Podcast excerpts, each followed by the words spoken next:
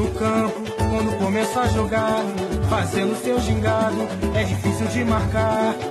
Fita pra ali, fita pra lá, fita pra cá, com a bola nos pés, ninguém consegue. Ele sabe fintar. Fita pra ali, fita pra lá, fita pra cá, com a bola nos pés, ninguém consegue lhe roubar. Velkommen til denne uges Brasserbold, hvor vi i stedet for en almindelig podcast gør plads til en podcast special. Og der er grund til at slå lidt ekstra på samme trommer. For den vi har igennem er ingen ringer end Cesar Santin. For mange er Santin mand, der skød mål på stribe og var med til at sætte FCK på det europæiske fodboldkort. Fire danske mesterskaber, to pokaltitler og en afgørende rolle i Champions League for de hvidklædte løver for Østerbro. Ja, Santin har været en magtfaktor for byens hold og har sat sine spor i Københavnerklubben sammen med sine angrebspartnere som for eksempel Dammen Døje, Ailton og Andreas Cornelius var han med til at vise vejen for dansk fodbold i fem en halv sæson. Men før vi snakker Cæsar, kigger vi tilbage. Vi har nemlig en snak med tidligere kommunikationschef i FCK, Christian Voldny, og tidligere landsholdsalfører Lars Jakobsen, der i dag laver podcasten Fodboldministeriet.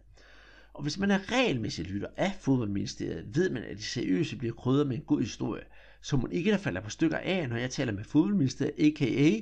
Christian Voldny og Landsholdslars. Så endnu en gang, velkommen til Brasserministeriet. Ah, undskyld, Brasserbold. Din vært er Andreas Knudsen. Velkommen til. So it'll be good to go from snow in Denmark to summer in Brazil. Yeah, it will be nice. You know, here is minus two or three, and in Brazil will be like 35. So uh, it will be great. But you promise you'll come back? I will for sure. Og det håber jeg jo bestemt, at Satin han gør. Men først så lad os høre, hvad Christian Voldny har at sige. Og velkommen til dig, Christian Voldny. Vi kender dig jo nok, alle os, der hører podcast fra den der fremragende fodboldpodcast, der hedder Fodboldministeriet, hvor I snakker om alt mellem himmel og jord, om, om fodbold, øh, hvad der er fodboldrelateret. Og øh, der tænkte jeg, at det var jo genialt at snakke med, med dig, og selvfølgelig også med Lars, om Cæsar Santin. Fordi Cæsar, han, vi må indrømme, han er jo en institution i dansk fodbold. Og øh, hvad er dit tilhørsforhold til ham? Fordi du har jo haft en stor rolle i øh, FC København. Jeg var jo i sin tid ansat i FC København som øh, kommunikationschef i en periode, hvor, hvor Cæsar også var der. Øh, og arbejdede selvfølgelig tæt sammen med, med truppen i den periode. Og, øh, og Cæsar øh, har jeg lært godt at kende øh, i den tid, og var en af de spillere, som man måske havde lidt mere til fælles med, og havde lidt flere snakke med end så mange af de andre. Okay, det, det lyder rigtig spændende, for jeg har altid tænkt på, øh, man har jo set ham på tv, som en, der bare bankede det ene mål ind efter det andet. Men hvilken type spiller var han? Altså uden for banen var han, øh, han var faktisk meget stille øh, og meget seriøs. Øh, mindede ikke rigtig så meget om de andre øh, sydamerikanere eller centra- centralamerikanere, som, som jeg i hvert fald har arbejdet sammen med. Øh, han tog sin fodbold meget seriøst. Han lavede, han lavede ikke så meget fis og ballade. Øh, det var aldrig ham, der var ude om aftenen. Det var der nogle af de andre, var. Øh, Cæsar, øh, Cæsar tog faktisk fodbold meget seriøst. Brugte, når han havde fridag, så brugte han på at tage til Sverige og besøge. Øh, han havde et, øh, jeg tror, det var en lille pige, han havde derovre. Øh, så tog han over og besøgte hende, og øh, han var ikke, det var aldrig ham, du fandt på en bar eller på Instagram så, at han havde skåret ud. Det var det bestemt ikke.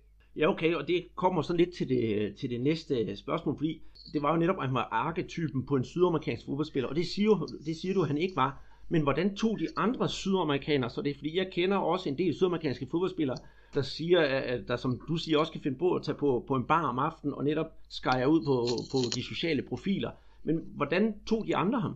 Jamen, øh, øh, når de gør det, så er det jo nok, øh, det ved du bedre end jeg gør, men, men jeg har altid opfattet det som en kulturel ting. Trænerne så det heller aldrig så slemt, for det var faktisk en nødvendighed for, at de kunne præstere. Det var, at de fik lov indimellem til lige at få luft under, under ørerne. Men, men, men Cæsar øh, var jo en helt anden type, og de andre øh, brasilianere, kostarikanere og hvad der ellers har været forbi, de, øh, altså han var ligesom lederen for den gruppe der. Øh, han var et samlingspunkt. Øh, de andre respekterede ham rigtig højt. Øh, han, de kaldte ham sådan for sjov, at han var godfaderen for, for den der gruppe af, af latinoer. Øhm, og så de havde, de havde enorm respekt for Cæsar, øh, og de behandlede ham også derefter, men han brugte den aldrig. Altså han, han øh, fremhævede sig aldrig, øh, men, men de kom til ham, og de snakkede med ham, og, og de brugte ham øh, på mange måder som sådan en, en, hvad skal man sige, en mellemfigur, når ikke de følte, de kunne gå til træneren eller nogle af de andre holdkammerater, så var det altid Cæsar. Okay, det lyder rigtig, rigtig spændende, fordi han, øh, når jeg, da jeg snakkede med ham, er rigtig ydmyg og virker ikke som sådan en netop, der, der, der praler af noget som helst. Så han var simpelthen sådan en, en gut, man kunne stole på. Øh, bestemt. Uh, en rigtig, altså også over for, for de danske holdkammerater var mit indtryk, og, og hvem der ellers var. Uh, Cæsar var vældig af alle, og, han er meget ydmyg. Uh, han, han, jeg, jeg fik jo det klare indtryk af, at han, han elskede anerkendelse. Det gør de fleste mennesker, men han søgte den aldrig.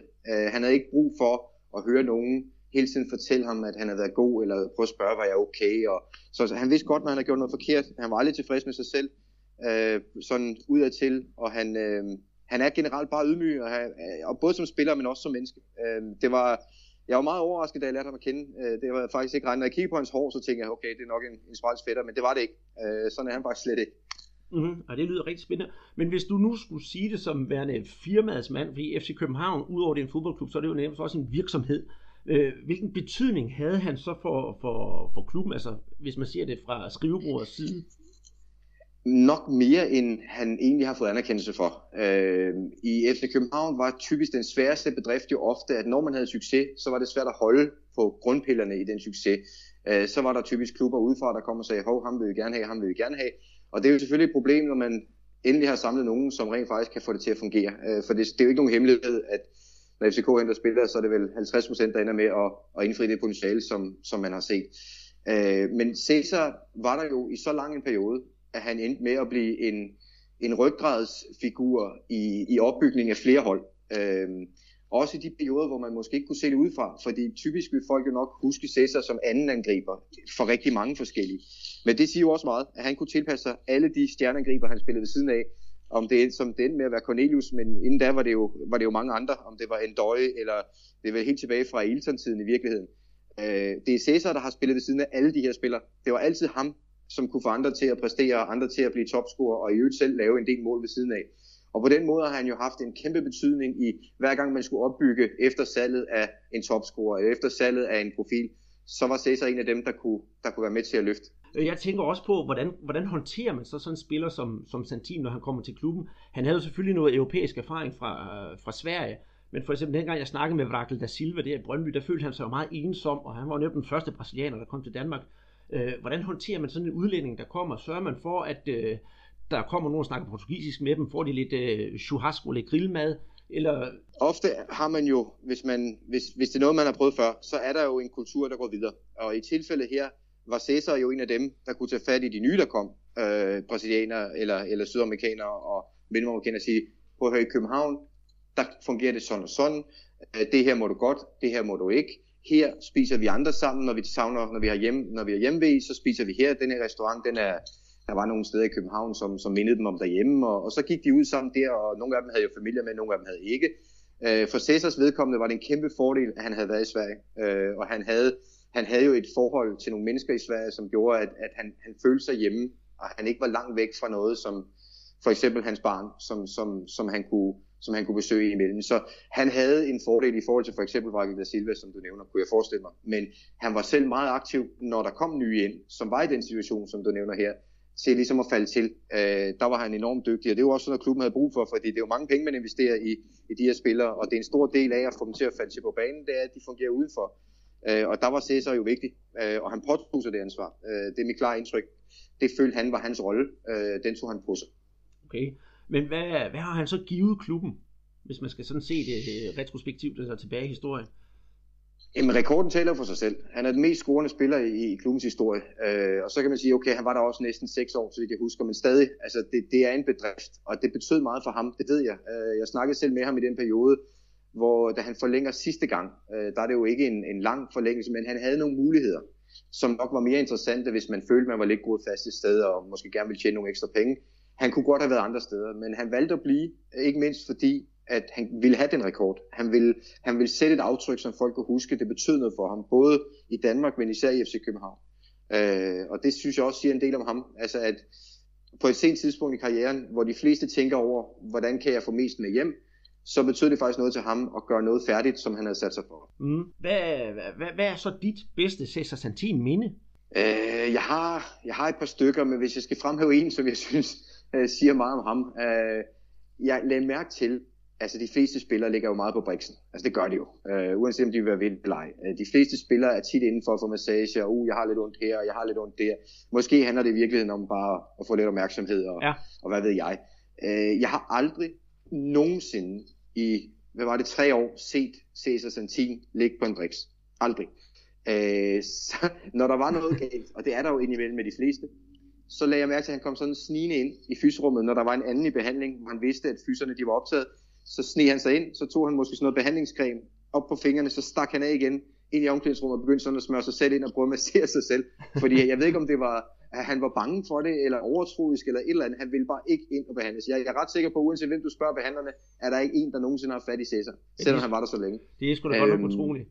Ja, det er det. Og, og, og om det er fordi, at han, han bare ikke ville tage pladsen for andre, eller fordi han havde en eller anden overtro eller noget. Jeg, jeg har en lille mistanke om, at det måske var, fordi han var bange for nåle. Den kunne de godt lide inde i FC København, øh, noget akupunktur og sådan noget. Ja. Det, om det var det, der gjorde det. Han ville slet ikke ind i det der rum. Han kom der aldrig.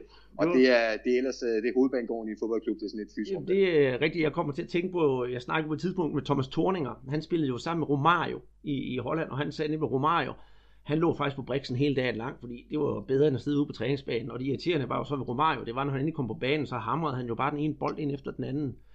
Og det kan man jo ikke sige om Cesar Santin. Han var på banen ja. hele tiden og var effektiv. Men... Jeg kan fortælle dig også, altså, at hvis du kigger på Cesar, når, øh, nu skal det ikke lyde forkert det her, men hvis du kigger på Cesar uden tøj på, så var han faktisk ret godt bygget. Altså han passede på sig selv. Mm-hmm. Men, men det, var aldrig, det var aldrig ham, som, som stod og tækkede fysisk træner om lige at få nogle gode tips, eller inden for at få noget ekstra behandling. Det var det aldrig. Øh, men han, han, altså de andre brasser og de andre og kostarikanere, så det var, de brugte hver et minut, de kunne få derinde på lige at få lidt ekstra dit og datten, ikke? Men Cæsar, han holdt sig væk, for, om, som det galt liv, liv og helbred, han ville bare ikke det. Og så her til sidst, så tænker vi, kan du opsummere Cæsar Santini i en enkelt sætning? Uh, en top professionel, super venlig mand, som jeg håber, jeg kommer til at se igen. Jamen det glæder mig, og det håber jeg faktisk også. Uh, han har jo stadigvæk en drøm om at, at have noget med fodbolden at gøre. Og, og øh, det kan vi jo håbe, og det kan jo være, at han kommer til Skandinavien på et tidspunkt, fordi han siger jo selv øh, i den snak, jeg har med ham, at han holder meget af Skandinavien og øh, Sverige og Danmark, de har givet ham simpelthen så meget. Og det kan vi jo kun blive enige om, for det er jo det, han har tilbragt det meste af sin øh, hvad hedder det, øh, professionelle fodboldkarriere. Og med det, Christian, så siger jeg tusind tak, fordi du, du gad være med, og jeg håber, jeg må snakke med dig en anden gang, fordi der har jo været et hav af, af brasilianere, du har haft noget med at gøre, om det så har været i Nordsjælland eller i FC København. Det kunne være. Du skal være hjertelig velkommen, og du må hilse Cæsar tusind gange, når du snakker med ham. Det skal jeg gøre. Der går rygter om, at han har fået sig en restaurant nede i Brasilien. Det kunne være, at man skulle tage ned og prøve. Det lyder som en rigtig god idé, men det kan du høre i den snak, jeg har med ham. Tusind tak til FCK's tidligere pressechef øh, Christian Voldny. Og nu bliver det så spændende at høre, hvad hans øh, kammerat på banen har at sige til ham. Så jeg byder hermed velkommen til Lars Jakobsen. Ja, og hej med dig, Lars. Øh, der er jo ikke rigtig nogen grund til at introducere dig, fordi dig kender hele fodbold Danmark jo. Det er grund til, at jeg ringer til dig, det er jo fordi, du har jo haft en øh, spillekar- spillerkarriere sammen med Cesar Santin, og jeg har jo snakket med Christian Volny, som har set det sådan hele oppefra fra, fra kontorerne. Men du har stået med ham på, ja. på banen, og, og så mit første spørgsmål, der falder mig ind, det er, hvad er det første, du tænker, når du får ordet eller navnet Cesar Santin at vide? Så tænker jeg på en, der ligner Asterix på en prik. Nej, øh, øh, Cæsar var jo, øh, øh, hvad kan man sige, vi ryger jo faktisk lidt ind i hinanden i vores karrieres efterår, begge to kan man jo godt sige, øh, men, men, men, men Cæsar var øh, klassisk øh, spidsangriber, vil jeg sige, øh, med, med, med målnæse, rigtig hurtig, øh, god teknik, øh, så, så han havde mange af de ting, man et eller andet sted forventer, af en uh, brasilianer. Han havde måske ikke samme, uh, samme dribblekundskaber som en Ailton havde, men, men havde noget andet. Altså, han var, han var utrolig målfarlig uh, og lavede mål. Altså, det uh, hvad kan man sige, en, en, en klassisk center forward, vil, vil jeg kalde det. Ja, og det falder meget godt i tråd med det næste, jeg skulle spørge om. Det var altså hans evner som spiller, det har du svaret på, men med hans spidskompetencer, ja. var det det der med at være, være den der super afslutter, altså den target man? Ja, altså, det, det, det ved jeg jo egentlig ikke, altså, fordi det var ikke fordi, han havde et uovertruffen spark, men han havde målnæse, øh, og han havde evnen til at stå på det rigtige sted, og så øh, vil jeg sige, hans, hans største kompetence var, det var hans, hans hurtighed. Altså han var utrolig hurtig og svær at håndtere for, for forsvarsspillerne. Det vil sige, at du kunne, du kunne både bruge ham i, i, øh, i opspillet i fødderne, hvor han havde en fin teknik, men, men i særdeleshed også i dybden, hvor han øh, havde rigtig god fart. Altså det, øh, så, så på den måde så var han en, en, en en, øh, en rigtig, rigtig dygtig angriber. Øhm, og så kan man sige en, en lille sidehistorie til, til, til Cesar Santina. Jeg selv er, jeg, jeg faktisk mødte ham, da han spillede i Kalmar også. Øh, hvor vi taber en, øh, en, øh, en Royal League kamp, øh, kan jeg huske. Øh, hvor Cesar scorer for Kalmar, hvor vi taber 1-0. Så, så, øh, så, så, vi kendte ham jo godt, inden vi rigtig lærte ham at kende på den måde, kan man sige. Så han, øh, han var en dygtig spiller. Helt bestemt, det synes jeg også, når man ser ham som tilskuer, det har jeg jo gjort, så altså alt, alt det han ja. har lavet, man bliver, bliver imponeret gang på gang, og jeg har jo snakket med Cæsar inden her, jeg har snakket med jer, og øh, der fortæller han jo selv om nogle af de mål, han har lavet, og dem har jeg jo så siddet og set på YouTube, og jeg vil sige, jeg bliver sgu imponeret. Øh, men jeg kunne også godt tænke mig at vide, hvordan, hvad var hans betydning at have på banen? Klart, han scorede mange mål, men øh, jeg kan forstå også på Christian, han var ikke bare spilleren, der kom på arbejde og så gik hjem. Han var, havde en større betydning. Men hvordan var han over for jer øh, medspillere? Og men han, han var, altså, vi havde jo, vi havde jo to brasilianere på det tidspunkt. Øh, både ham og, og Claudemir. Og, og de var meget forskellige. Øh, men, men, men altså, han var chefen. Han var den ældste, det var ham, der bestemte, hvor, hvor, hvor Claudemir, han var sådan lidt mere pausekloven, der underholdt lidt. Og så Cæsar, der satte ham på pladsen, og han skulle det. Han var jo, øh, Cæsar var jo en meget stille type, øh, med rigtig god og tør humor, med, med, med nogle gode punchlines en gang imellem. Øh, så, så, så på den måde, så, så, så styrede han lidt den der brasilianer-klan, lille brasilianer-klan, vi havde, øh, med, med, med hård hånd, jo, men, men på sin egen stille måde. Øh, han var jo heller ikke en spiller, som øh, kom med store verbale udbrud i, i omklædningsrummet og så videre. Altså han, han gjorde det meget, på meget øh, eftertænksom og stille og rolig måde. Øh, så, så på den måde, så var han, hvad kan man sige, meget behageligt bekendtskaber her, og ikke en, der, altså ikke en, man, man, man tænkte, hold da kæft, han fylder meget ham her. Altså det, det var han ikke. Han, øh, han passede sine ting, øh, og, og han var heller ikke den, den, den sidste, sidste inde og, og første ude. Altså han var, øh, han var professionel. Altså det, det var han, hvor man kan sige, at hans, hans kammerat Claudio, han, han skubbede lidt til grænserne på en anden måde, kan man sige. Og der var, der, der var, der var Cæsar den ansvarsfulde, øh, lad mig sige det sådan. Ja, men øh, var han så svær, altså når han var sådan ydmyg, var han så svær at komme ind på som person? Ja, altså det, det er ikke en, en, en spiller, som, som, som jeg vil sige, at, at, at, at jeg kender ud og ind nu, fordi at øh, han var meget privat som person, og, og der var også noget, altså hans, han, han havde okay engelsk til sidst, vil jeg sige, men, men, men i starten, der var det jo, altså der var han jo ikke super, super nem at kommunikere med. Det gør selvfølgelig også, at, at, at, at, at sådan rent privat, så kan man sige, at det, det var også, der var mange, sydamerikanerne holdt så meget for sig selv. Vi havde også selv dem på Costa Rica og så videre. Og de var sådan lidt deres egen lille klave, og det, og det, det, det, det, det var, det, det er helt fair. Altså sådan er det tit, når man, øh, når man er ude i den store verden, og, og man, man, man bliver sat sammen med nogle mennesker, så, så kan man sige, at de sydamerikanske spillere, de passede super godt sammen. Øh, men, men det, som er, er kendetegnet for Cæsar og kendetegnet for sammen, det er, at det er, utrolig rare mennesker. Øh, men, men, men at sige, at jeg kender dem privat, det gør jeg ikke. Altså ikke, ikke på den måde. Nej, men øh, jeg kan i hvert fald sige så meget, at øh, han husker i hvert fald dig. Jeg har jo spurgt i min snak med Cæsar lidt om, øh, hvad han kendte til dig, ja. og hvad du fortæller, hvad du laver i det, at du også laver podcast og fjernsyn og så videre.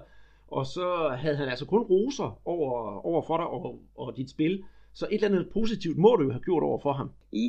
Ja, altså man kan sige, han tør nok ikke så meget andet, vel? Jeg, jeg var jo anført for ham. Nej, jeg tror altså, jeg, jeg, jeg tror egentlig, at, at, at vi var jo begge to, som jeg siger, vi, vi, var, vi var begge to øh, oppe i alderen, kan man sige, og så har man jo en, en, en gensidig respekt for hinanden, og det man har, har, har, har trods alt har opnået, og, og jeg, har, jeg har egentlig stor respekt for mennesker, der tager så langt væk hjemmefra. Nu har jeg selv prøvet at være ude at rejse rundt i verden, men han var utrolig langt væk hjemmefra, har været der øh, væk i, i, i mange, mange år med, med et langt ophold i Sverige også, og øh, jeg har egentlig stor respekt for folk, som, som, som ikke stikker halen mellem benene og, og løber hjem igen, fordi det har helt sikkert ikke været nemt for, for, en, for en brasilianer at, at tage til Kalmar i Sverige, vel? Og, og, altså, så på den måde så har jeg stor respekt for de, de valg, han har, han har truffet. Øh, det må jeg sige. Øh, så, så vil jeg da sige, at, at, at jo, jeg var anfører for ham øh, øhm, øh, i, i nogle år, øh, og øh, med, med, med succes, og også med mindre succes en gang imellem, men, men jeg tror, det var en, en periode, hvor, hvor, hvor, hvor, vi steppede, hvor vi steppede op og, og skulle gøre, vi skulle kæmpe meget for tingene på, den, på det tidspunkt i FC København. Øh, fordi at, at, at holdet måske ikke var lige så godt, som det for eksempel var i 10. Øh, så på den måde, så, øh, så lærte vi jo hinanden at kende på godt og ondt på banen. Ikke? Men, øh, men jeg er da glad for, at han, øh, han trods alt godt kan huske, hvem jeg er. Jeg havde, det havde jeg sgu også regnet med, vil jeg så sige. Ja, ja, men jeg, jeg kan jo også huske ham, så, mm. øh, så, men, så på den måde, så, så går det lige op. Men jeg giver dig ret i det der med, at det er svært for brasilianerne at komme op til ja, Nordeuropa og, den fodbold, vi spiller herop. Og alle dem, jeg har snakket med, har faktisk sagt nogenlunde det samme. Det er det med at komme til et land, hvor der er, er, er frygtelig koldt. Og, og der har Cæsar, ja. han har faktisk faldet lidt udenfor øh, med, hans, med hans ydmyghed. Øh, nu har jeg jo snakket med både ja. Brakel da Silva og Cæsar og, hvad hedder han, øh, Becharda.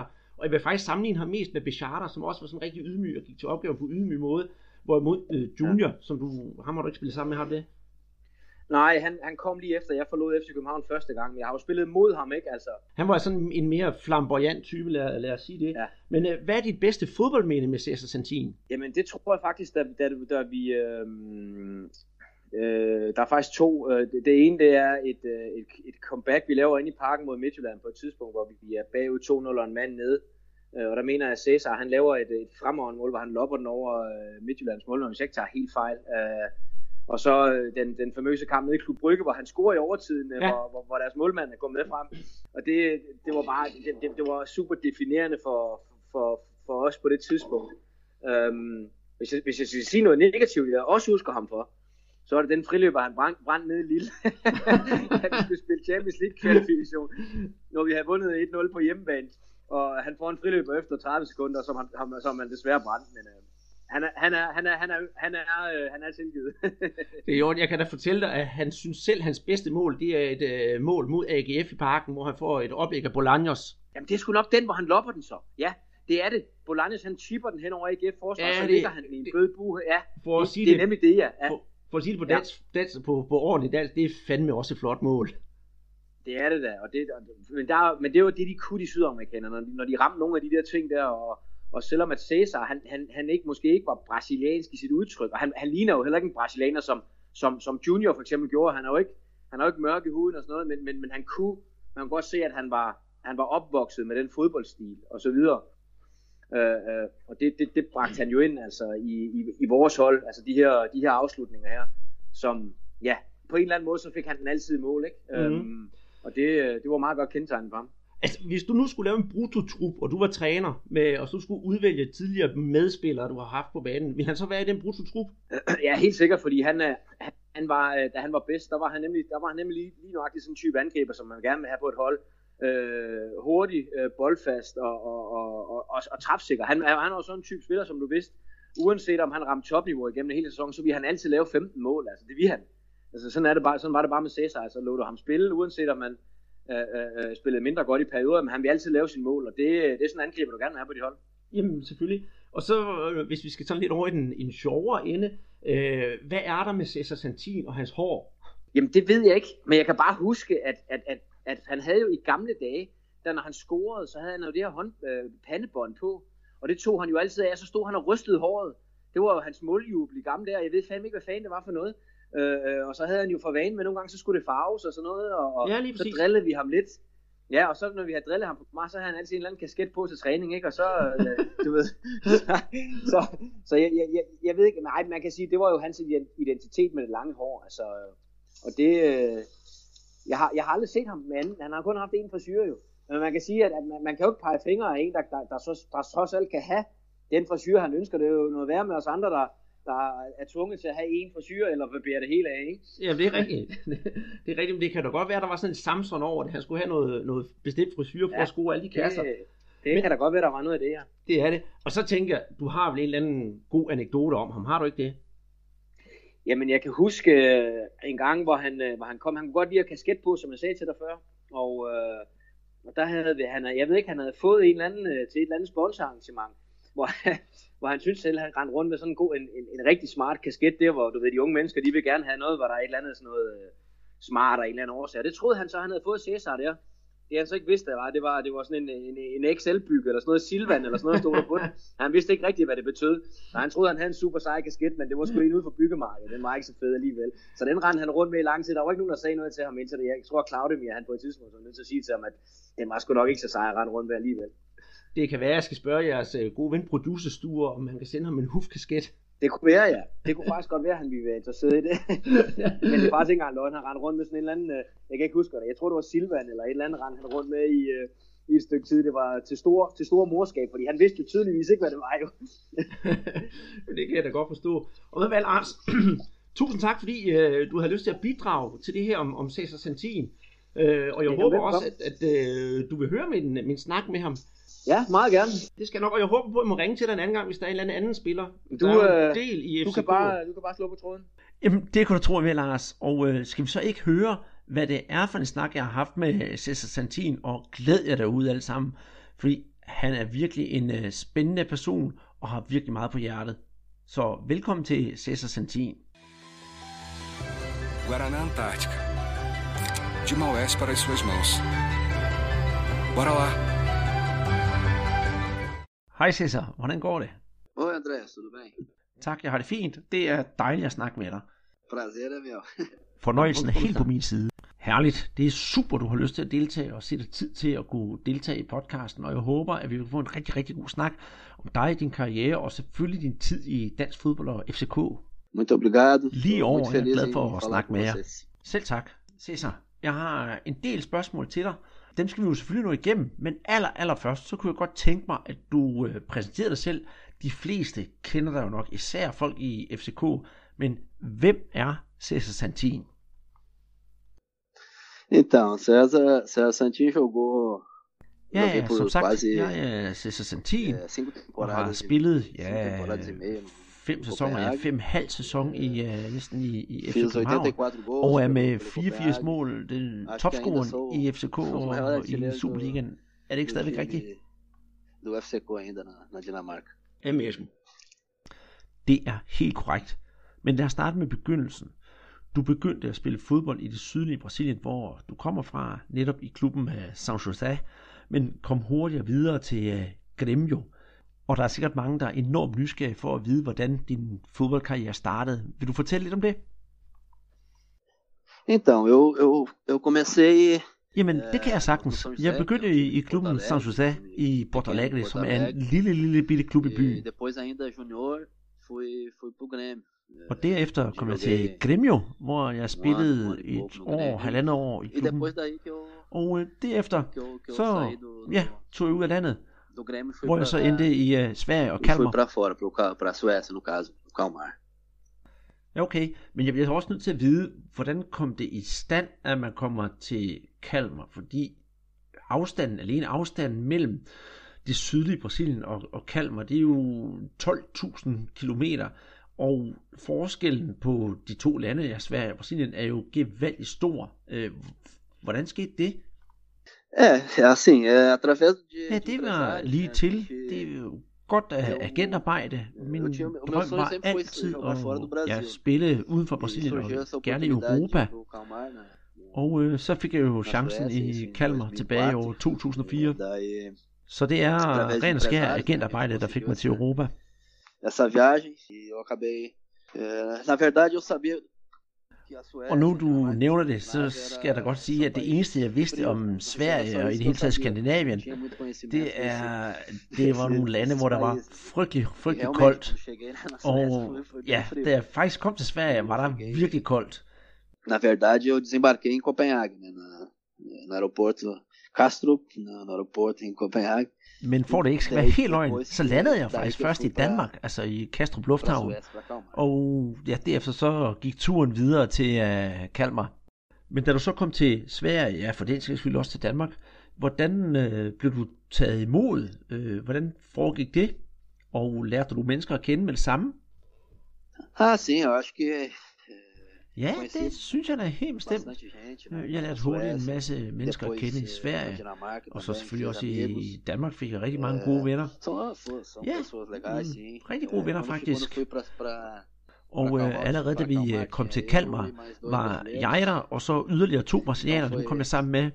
Så Foi- på den måde var er det godt og nemt, fordi vi havde nogen at snakke med og socialisere med, og ja, i det hele taget være sammen med Fordi i det hele taget til at starte med, der er det inglês, ret, ret svært at, og, ja, i det hele taget komme til et fremmed land, fordi man taler jo er- ikke sproget, kender ikke er kulturen, ikke noget som helst. Så er det meget godt at have nogen at støtte sig til. Jeg kan sagtens forstå det, du siger. Øh, for ikke ret lang tid siden, der var oppe i AB og snakke med deres unge brasilianer, som de har deroppe.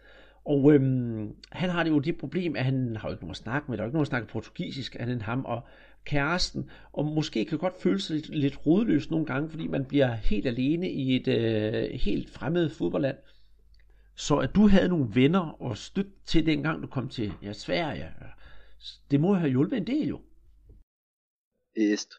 É, então, isso foi. É, Præcis, foi importante. det er rigtigt, og eu det var lige præcis det, der var vigtigt, fordi man havde chancen dois for at være sammen med andre brasilianere, og vi kunne jo snakke sproget. Mas na verdade o que Men hvis jeg skal være helt ærlig, så var det jo ikke det. Det jeg havde mest svært med, det var faktisk kulden. Som er meget, meget anderledes E med isso sne og det der. Og, og det var det, der var virkelig var svært. Men øh, ja, efter et lille års tid eller noget den stil, så blev jeg vant til kulden, og det sig jo i sidste ende, at det jo var faktisk en god ting, at man vendte sig til det. Brasilien er jo et stort land, og du kommer fra det sydlige Brasilien, som ja, minder mere om Europa, og ikke er ligesom op i det østlige, hvor det er sol og sommer hele året rundt. Kunne det, det at du kommer fra det sydlige Brasilien, måske have, have været en faktor til, at øh, du øh, tilpassede dig det skandinaviske klima og miljø hurtigere? Ah, eu acho que sim, aqui, aqui no sul também. Ja, her i det sydlige Brasilien er her, ja, kan være godt koldt, men, muito men, men, men det sneer jo ikke, og det er meget, meget sjældent, hvis der endelig skulle komme sne. Og jeg skal være ærlig og sige, da jeg kom til Danmark, og Sverige selvfølgelig, at stå der i lufthavnen og kigge ud af vinduet og se den her sne, det synes jeg var rigtig, rigtig anderledes. Men og kulden, den er virkelig mere ja, intens. Ikke også? Hernede der er det kun to måneder med, med, med kulde, og i Danmark der er det jo koldt seks måneder i løbet af året. Øh, ja, ja, måske faktisk mere, hvis øh, 7-8 måneder om året. Da du så endelig var kommet til ja, Sverige og Danmark, hvad var så det, de største forskelle mellem de to lande, og så det Brasilien, du kom fra? Jeg kan jo lige forestille mig, ja, et er temperaturen, som jeg snakker om, men hvad med for eksempel maden og levestilen? Og når vi så også ja, netop snakker om de der forskelle, det gælder jo så både uden for banen og selvfølgelig inde på banen. Sim, eu, dentro de campo a, på banen er det de fysik. Helt klart fysik. I Skandinavien, altså Sverige og Danmark, der går man sådan meget op i det fysiske på banen, og i Brasilien så er det sådan det mere det, er det tekniske og, og finesserne. E Men ja, também, helt klart det e, fysiske. senti bastante também no começo, det mærkede jeg por også meget til at starte med, da jeg kom til, til Sverige, og, og E også i, i, Danmark, at e der blev os gået sådan, ja, mere til vaflerne. e fortes assim, né? E essa foi, foi uma diferença. E, e dentro de fora de campo, Og uden for banen, ja, øh, klart, det er maden. Fordi det er så forskelligt. I, ja, i Brasilien, der, der spiser vi meget øh, ris og bønner og, og, og, og kød. Og i Skandinavien, der er det jo ja, kartofler og svinekød, og kartofler og svinekød igen og igen. Og det var jeg ikke sådan helt vant til at, til at spise, så det skulle jeg vende mig til. e Men jeg blev hurtigt vant til at spise det, og ja, e den dag, der i Brasilien, der spiste jeg rigtig meget øh, svinekød og kartofler. Jamen, står den så tit på frikadeller derhjemme? Isso. Præcis. Men jeg skal også høre, hvordan øh, kom du så til FCK fra, fra Kalmar? Det må have været noget et skift at komme til, ja, fra en svensk klub til en, øh, ja, en af de førende klubber i dansk fodbold. É, eu joguei por quatro temporadas e meia no, no Calmar. Ja, jeg spillede jo fire sæsoner i, i, i Kalmar, hvor de tre var sponsor. rigtig gode. Og øh, så endte det jo med, at FC København købte mig. Jeg går ud fra, at Ståle havde set mig og kunne lide det, jeg lavede, og jeg passede ind på holdet. Så det endte med at komme til København i, øh, ja, var det i juni, juli år Juli 2008, 2008. hvor jeg endte med at spille fem en halv sæson i FCK. Foi Og øh, ja, det var virkelig nogle sejrige sæsoner, hvor jeg blandt andet vandt en masse titler. fico muito feliz de ter jogado né, Og det var en kæmpe glæde for mig at spille i, ja, som da du sagde, en af de største klubber, hvis det ikke er den største klub i hele Skandinavien. Men var du klar over, hvilken stor klub FC København var, før du kom til, til Danmark, og hvilken position FCK havde inden for dansk og øh, nordisk fodbold som en af de førende klubber? Sim, sabia sim, por, por... Claro que o Copenhague é, Ja, não é um time Ja, selvfølgelig. Det var jeg klar over. Og jeg er også udmærket godt klar over, at det er jo 30 ikke nogen, 30 anos, kan 30 anos. man sige, gammel klub. Den er Øh, 25-30 år e gammel.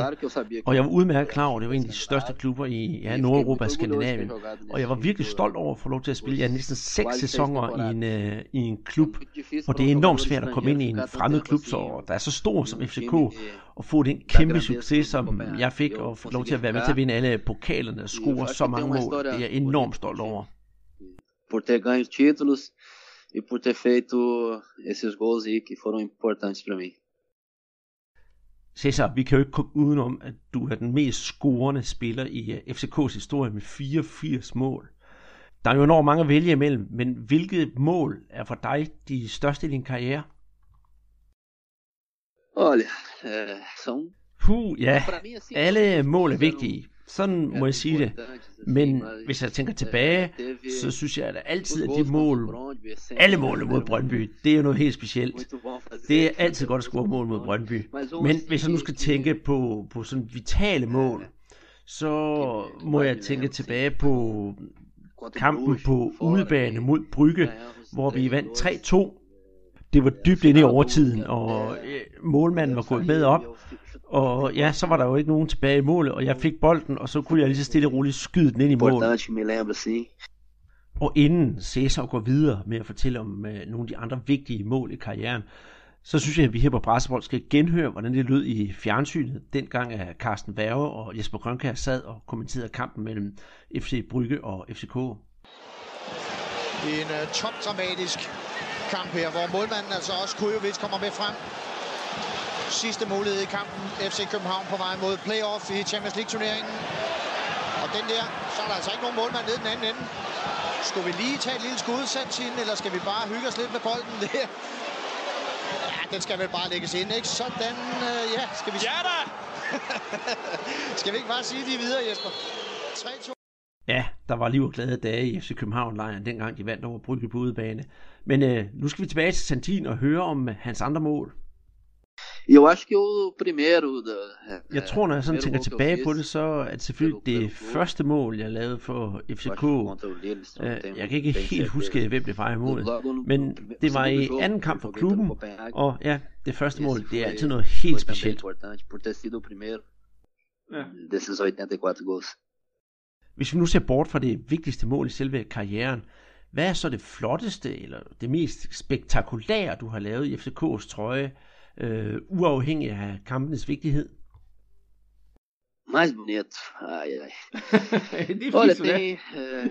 Det smukkeste. Puh, ja. Men øh, ja, hvis jeg lige skal sige så tror jeg, det er et øh, mål. Jeg husker det som om det var mod AGF, hvor Bolaños, han øh, loppede den over forsvaret til mig, og så jeg kunne vippe den her målmand. Men som jeg jo nævnte før, så har alle de mål, jeg har scoret for FC København, sin vigtighed, uanset om de er smukke eller fantastiske. For ja, de har været en del af det der med, at jeg er blevet den mest scorende spiller i FCK's historie med de 84 mål. Jamen, er der andre vigtige mål, du føler har været afgørende for, for din karriere, og hvad har så også været nogle af de flotteste? Og her der tænker jeg ikke på nødvendigvis på de europæiske kampe, men i det hele taget, om det er Superligaen, Europa, sågar i, i, Brasilien, Sverige. Hvad synes du? Olha, tem, tem um jogo assim que, que eu me lembro que foi, foi bom, acho que foi 2010. Der er visse mål, jeg husker tilbage på. For eksempel, jeg var lige kommet til klubben tilbage i 2010.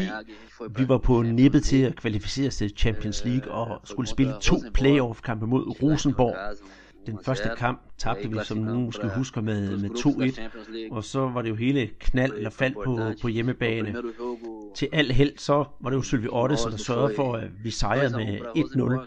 Og ja, selvom øh, det ikke er mig, der stod bag målet, så er det en kamp, jeg husker som værende definerende for både min karriere og for, ja, for FCK, at vi kvalificerede til, øh, til Champions League gruppespil der.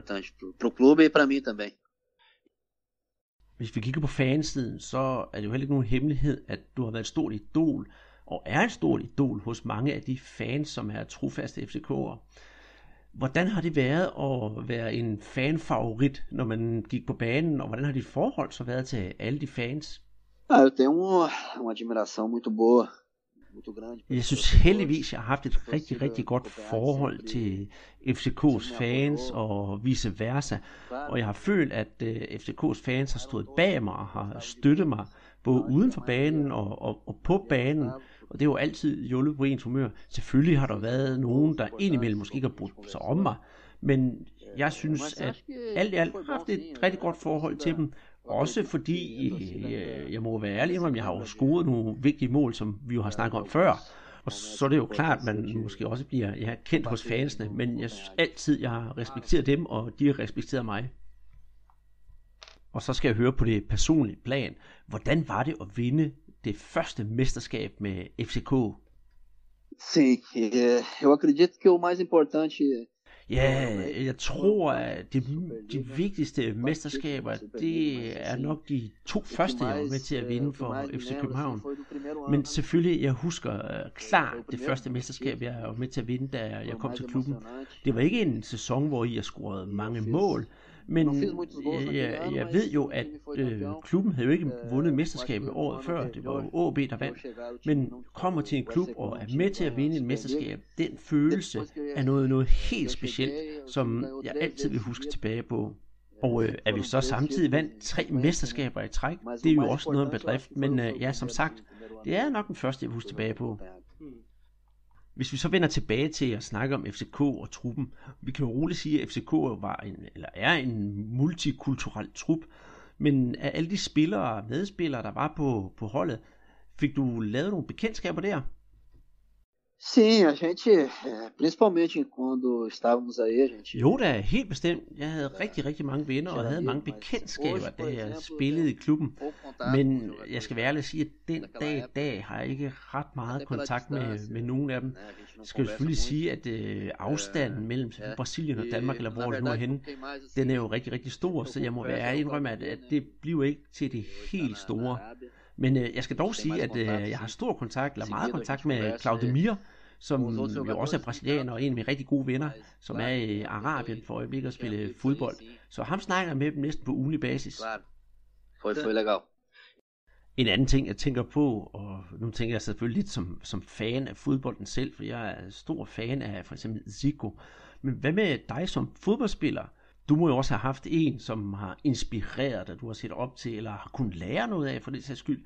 Øh, vil du løfte sløret for os, øh, hvem du har set op til i din karriere? Sim, claro. Eu acho que todos os, os jogadores têm um... Ja, ja, selvfølgelig har jeg det. Og i det hele taget så tror jeg faktisk, at alle spillere har en, de ser op til, eller føler sig inspireret af. For mit vedkommende, så er det jo faktisk ingen ringere end øh, Ronaldo, som jo spillede i europæisk fodbold for Barcelona og var med til at vinde VM. Og jeg var med på VM-holdet i 1994. Han er virkelig en, jeg ser op til og gerne ville have været fuldstændig som ham. Og selvom jeg slet ikke havde de samme karakteristika som Ronaldo, så er det ham, der har været min store inspirationskilde, som jeg har fundet min fodboldglæde i. Når vi så ser på, på banen i din spilletid, hvem har været den største spiller, du har spillet mod, og hvem er den største spiller, du har spillet med? Ah, contra foi Ja, modspiller, der må jeg så sige, det er Lionel Messi. Ham har jeg jo haft en ære at, at møde og stå for og stå over for. Han er jo en af historiens største fodboldspillere. Så, og den jeg spiller sammen med, det må være Jesper Grønkær, en super dygtig og ekstrem intelligent spiller, og også en meget stor spiller. Det er jeg glad for at spille sammen med ham. O Ailton também, que jogamos no Copenhague também no FCK. Jeg skal også nævne Ailton, som spillede sammen med i FCK. Ekstremt dygtig spiller, som ja, jeg virkelig har haft et godt samarbejde med. Så umiddelbart, ja, Jesper Grønkær og Ailton. En af vores faste lyttere på vores podcast, en, en nordmand, der hedder André, han kunne godt tænke sig at vide, om du vil anbefale andre brasilianere at komme og spille i, ja, i Skandinavien i det hele taget, for han synes, der er alt for få brasilianere i skandinavisk fodbold. Olha, eu, eu acredito que sim. Ja, men det synes jeg da helt bestemt. Øh, nu ved jeg selvfølgelig ikke, hvordan tingene er den dag i dag, men dengang jeg var der, synes jeg også, der var ikke så mange brasilianere i, i dansk fodbold eller skandinavisk fodbold. Og jeg følger jo selv med i FCK's kampe. Selvom det er lidt svært at se dem, så finder jeg altid et sted på nettet og, og, og følge med i dem. Og jeg må være ærlig at sige, at det sidste jeg så, det var faktisk øh, en kamp mod Brøndby, hvor FCK desværre tabte. Men øh, det, jeg følger med så godt jeg kan. Men ja, øh, generelt så synes jeg da godt, at kunne trænge til at være lidt flere brasilianske fodboldspillere i, i Skandinavien. Eu acho que poderia sim ter mais jogadores na, na Escandinávia, sim. Brasileiros, no caso. Né? Og hvad så, når man så spillede kampe mod ja, andre modstandere? Det kunne være så AGF, Viborg, OB eller OB for den sags skyld.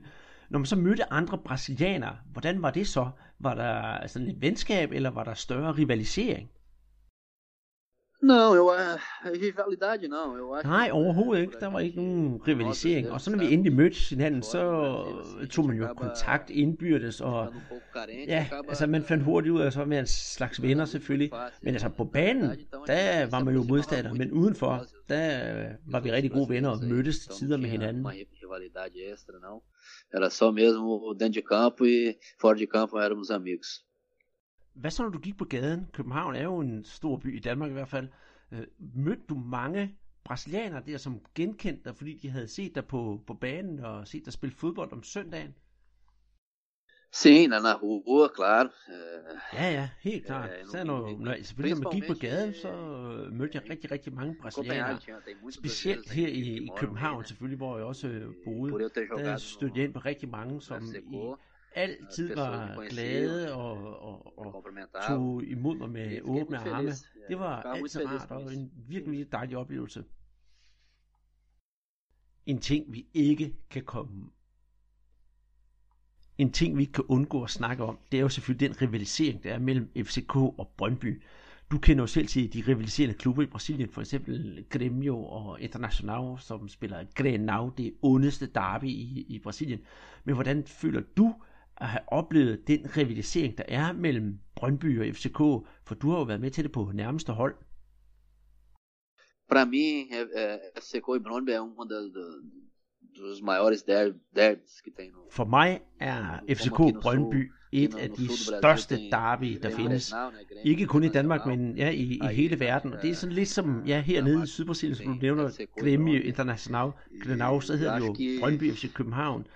Og øh, ja, jeg synes, det er rigtig, rigtig vigtigt og godt derby. Og jeg må jeg ærligt indrømme, at øh, det er godt at vinde over Brøndby. Og endnu bedre, hvis man kunne score mod Brøndby. Det er jo klart, at når I går ind til de kampe ja, mod Brøndby, og begge hold går på banen, så er jo begge to opsat på at vinde og gøre alt, hvad I kan. Men øh, hvordan øh, sætter man sig op til sådan en kamp, og hvordan forløser man det hele, når man kommer på banen? Øh, har du en god forklaring på det? É, é, porque a gente sabe que quando se joga um, um derby, Man ved jo lige præcis, hvad det er, man går ind til. Det er jo et derby, det er noget helt specielt. Så inden kampen, der har man sat sig op til, at det skal bare være der, man skal præstere bedst muligt. Og når det var mod Brøndby, så kunne man lige finde det ekstra gear, der gjorde, at man gav en ekstra tør inde på banen. Og ingen ville give sig, om det så var Brøndby eller os. Man ville bare vinde for enhver pris. Det skal dertil siges, at vi på banen gjorde alt, hvad vi kunne for at vinde, og man glemte alt om de gode venskaber, man havde uden for banen. For lige så snart kampen over, gav man hinanden hånden, og vi var bedste venner. Men på banen under kampen var der ingen noget, og vi gjorde alt, hvad vi kunne for at vinde. Og når man endelig vandt, så var sejren jo så meget bedre. Og jeg må indrømme, at jeg tror også, at jeg har vundet flere kampe over Brøndby, end Brøndby har vundet over FCK. Nu har vi jo snakket rigtig, rigtig meget om FCK, og vi er jo slet ikke slut endnu. Men jeg vil da lige høre dig. Øh, du er jo FCK-mand, det, vi, det kan vi blive enige om. Men hvad så med i Brasilien? I og med, at du er fra Porto Alegre, og du har spillet din ungdomstid i uh, Grêmio, skal jeg så gå ud fra, at du er gremista? Pode ser isso, pode sim, claro. Det kan du roligt regne med. Jeg har jo haft den store ære af at spille for Grêmio som uh, ungdomsspiller. Og øh, den øh, tid, den husker jeg 20 tilbage på med glæde, og jeg har altid været stolt af at spille for eh, Grêmio. Og øh, ja, det har været en rigtig god um oplevelse for mig at være i klubben, som er en af de største i Brasilien. Her på Brasserpotten, der er både Peter og jeg enige om, at Grêmio det er et af de bedste hold PET i Sydamerika. Og det er jo super med de dygtige spillere, der kommer dernede fra. Vi følger med på tætteste hold, for det er virkelig klassefodbold, de stiller op for tiden. Så det er et fornuftigt hold, du holder med, synes vi også. É, eu também, eu também eu acompanho muito futebol, né? No, Jo, jo, helt bestemt. Og øh, jeg ser rigtig, rigtig meget realmente, brasiliansk fodbold, og især også øh, netop øh, muito- Og jeg synes, de har netop det der fantastisk gode hold. De vandt jo Libertadores, Copa Libertadores sidste år. Og jeg tror helt bestemt, tem- at de har stort potentiale for at hente de flere pokaler hjem i, i år. Novos títulos esse ano, sim. Por, por estar com um time, um time muito bom. Og hvad så nu, altså? du spiller jo ikke fodbold længere i den forstand. Hvad får du tiden til at gå med?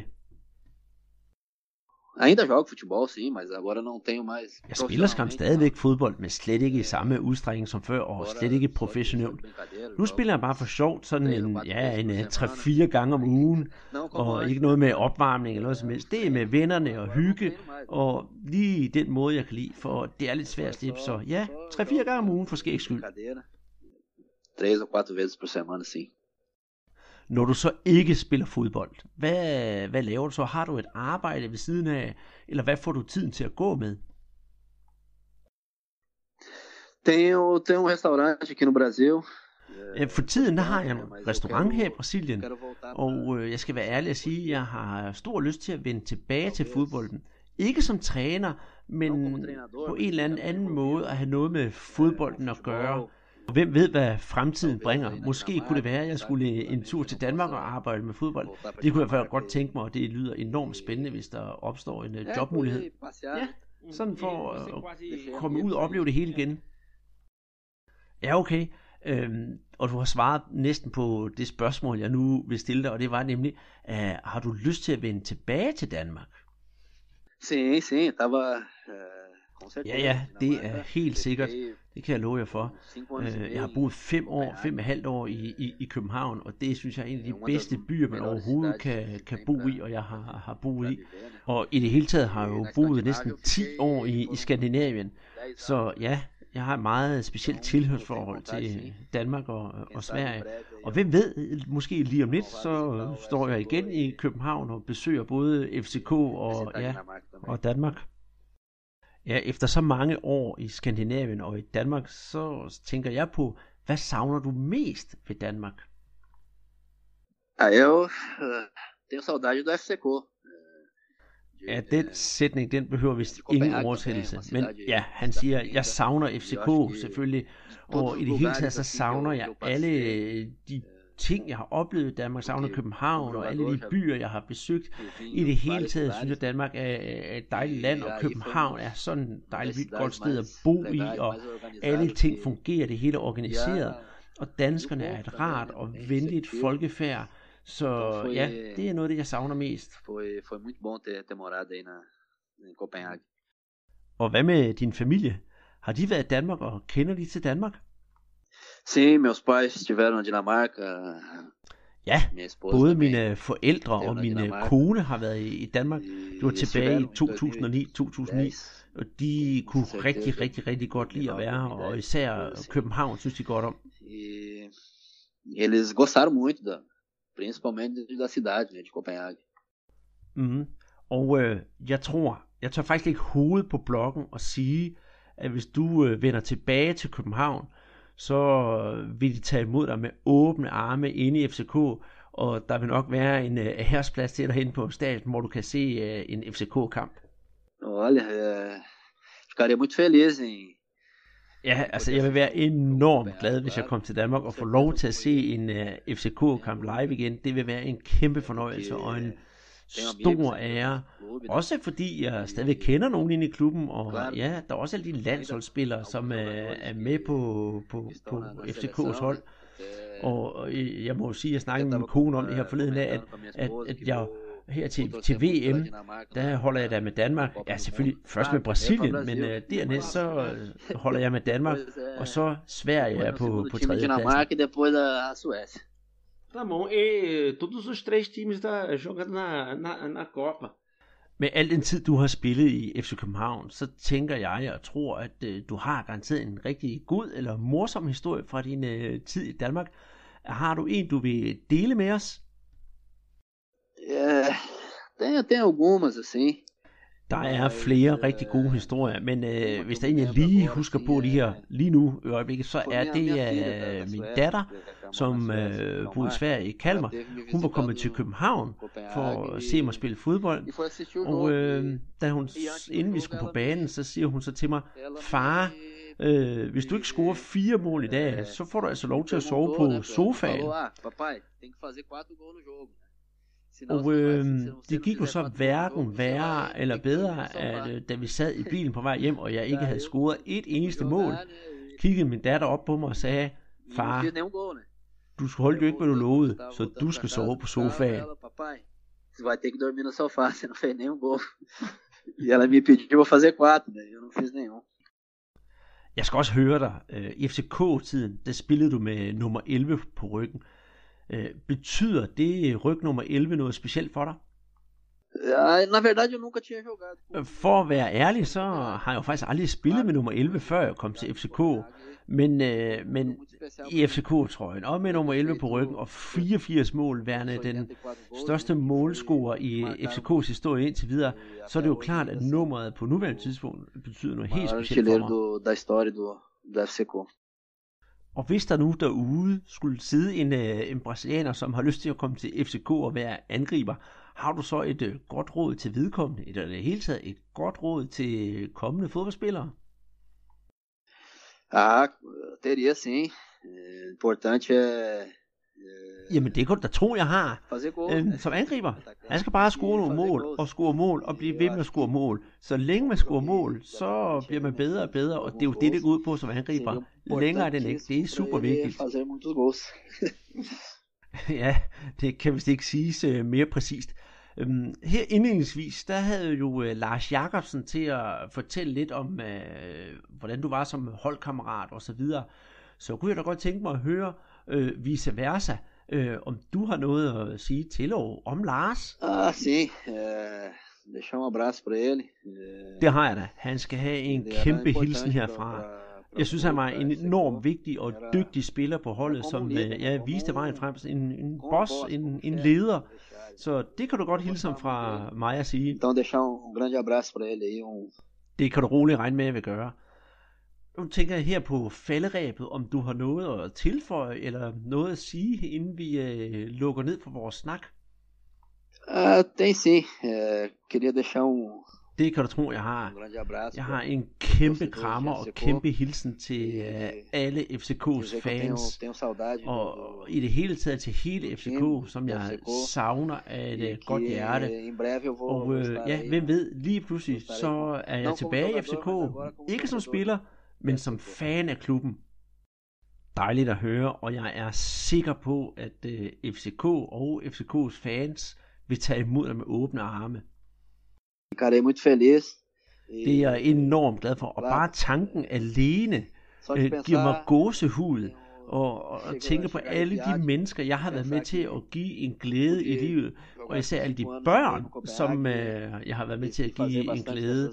Så dessas det har været fantastisk mine fem og halvt år i FCK. Og jeg håber også, at alle børnene stadigvæk kan huske mig. no FCK. Tusind, tusind tak, fordi jeg måtte snakke med dig og bruge din tid.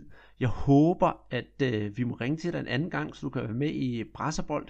Og vi er enormt stolte over, at du har været med i øh, vores tredje udgave her af Hvor blev de af? É, eu que agradeço, é, muito feliz em falar com vocês e poder de, dessa maneira conversar um pouco com os, com os torcedores do, do FCK, onde pude viver aí grande parte da, da minha carreira. E valeu mesmo, obrigado. Muito obrigado a vocês também. De nada. Og det Cæsar runder hele samtalen af med at sige, at det er ikke øh, os, der skal sige tak, det er ham, der siger tak. Og øh, han er rigtig, rigtig glad for at kunne være med i det her, hvor han på den måde har kunnet på en eller anden måde være sammen med sine øh, fans for FCK. Og øh, ja, vi skulle selvfølgelig altid være velkommen til at ringe til ham en anden gang, og det håber jeg, vi får brug for. Jeg håber, I har nydt den her samtale, jeg har haft med Cesar Santin, og selvfølgelig indledningen med Christian og Lars. Og øh, i den sammenhæng skal jeg sige, at øh, vi bliver glade for, hvis I følger os ind på Twitter eller på Facebook, og for den sags skyld gå lige ind på fodboldministeriet, hvor Lars og Christian holder til, og følg også dem på Twitter, og ja, jeg tror også, de har en Facebook-side. Og med det siger jeg, Andreas Knudsen, i samarbejde med Guadalajara, tak for denne omgang af Hvor blev det af, og jeg glæder mig enormt meget til at finde det næste offer, der skal i Hvor blev det af i fælden.